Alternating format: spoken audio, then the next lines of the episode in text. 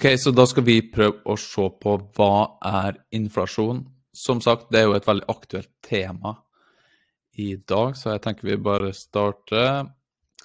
Inflasjon, det er egentlig bare ei vedvarende prisøkning over tid. Altså, for hvert år så blir ting litt dyrere, og du, hvis du har 100 kroner nå, og du ser tilbake ti år, så får du mye mindre nå for 100 kroner enn du fikk da. Så varer og tjenester blir litt dyrere hvert år, og du får litt mindre for de pengene du har. Men så klart, så lenge vi har økonomisk vekst, så vil vi jo òg få lønnsøkning, som er i hvert fall vanligvis minimum tilsvarende inflasjon, altså ca. 2,5% rundt der. Sånn at vi ikke mister kjøpekrafta, sånn at vi skal i hvert fall holde tritt med de prisøkningene som blir hvert år, og sånn at pengene våre ikke skal bli mindre verdt. Og vi ser jo Norges Bank har jo som et mål å oppnå 2-2,5% inflasjon hvert år. Det er jo for å stimulere økonomisk vekst. Men som vi sikkert har hørt mye om i siste, så var det i 2021 ca. 3,5% inflasjon i Norge. Og enda mer i andre land. Og det vil jo si at eh, vi har høy inflasjon, og det er jo noe litt annet igjen, da, som vi ser her.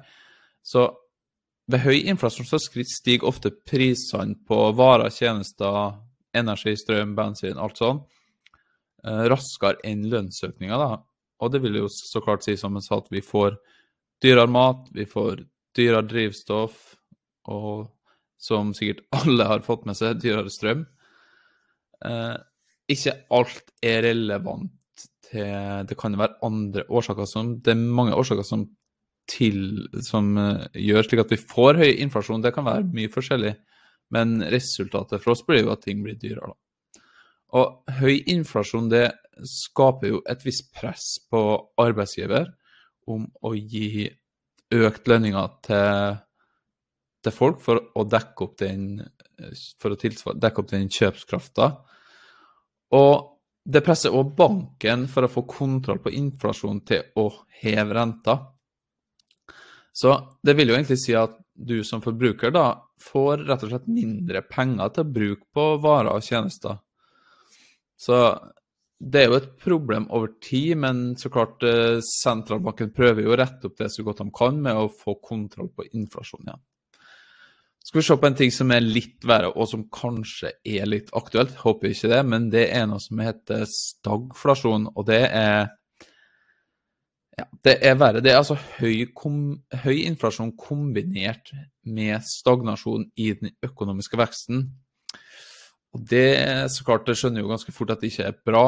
Og høye energipriser som vi ser nå i forbindelse med krigen i Ukraina, Ukraina det øker jo faren for stagflasjon. Så det er jo en ganske dyster utsikt for din personlige økonomi hvis det skulle skje. Og da vil jo ofte økonomisk vekst stoppe opp, og du vil ikke få noe særlig lønnsøkning, for å si det sånn. Og vi vil se at børsene faller, og vi får høyere priser, og banken setter opp renta. Og ikke særlig bra for økonomien, altså veldig dårlig for økonomien generelt, om vi skulle få en stagflasjon. Eh, I denne situasjonen med høy energipriser så vet vi jo kanskje at Norge leverer mye energi til Europa, sånn så kanskje de, vi slipper billigere unna. Det er vanskelig å si, da, men stagflasjon er i hvert fall noe vi ikke vil ha i økonomien. Og så har vi en term til som du sikkert har hørt, og det er hyperinflasjon. Så klart det er veldig lite sannsynlig at det kommer til å skje. Det er jo egentlig en ukontrollert inflasjon der prisene stiger opptil 50% per måned, og kanskje opptil 1000 årlig. og det det kommer ikke til å skje, men det har jo skjedd før. Det skjedde med Tyskland etter første verdenskrig. Og det skjedde faktisk i Afrika på 2000-tallet med Zimbabwe, der vi ofte så trillebårer med penger. Altså, pengene har altså, pengene har mista all verdi, egentlig. Du får ikke et stykk Et brød koster, koster kanskje en million Hvis et brød kosta en million norske kroner, da har vi hatt hyperinflasjon. Så, men det er veldig usannsynlig at skjer, da. Så jeg tenker bare for å summe litt, da, så inflasjon det er en helt vanlig del av økonomien. Det er noe egentlig som skjer hvert år. At priser går opp, og vi har økonomisk vekst, derfor går lønn opp. Og det er helt normalt.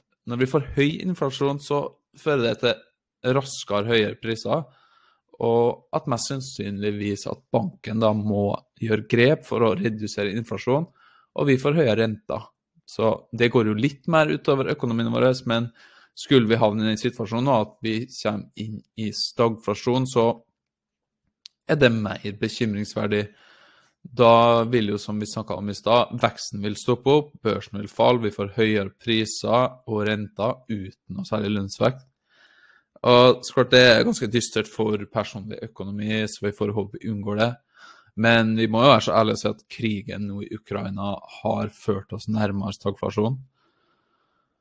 Og vi har jo egentlig ei energikrise i Europa, og da blir det jo litt som vi snakka om, at høye energipriser kan føre til veldig dårlige eh, økonomiske utsikter på sikt, da. På grunn av at det kan føre til stagflasjon. Men vi får så klart håpe vi slipper det. Men jeg håper at du har lært litt mer om hva inflasjon er i denne episoden her, da. Og det er ikke noe vi skal være bekymra for inflasjon, eller høy inflasjon òg, men stagflasjon vil du helst ikke ha. Men eh, tusen takk for at du hørte på, så på.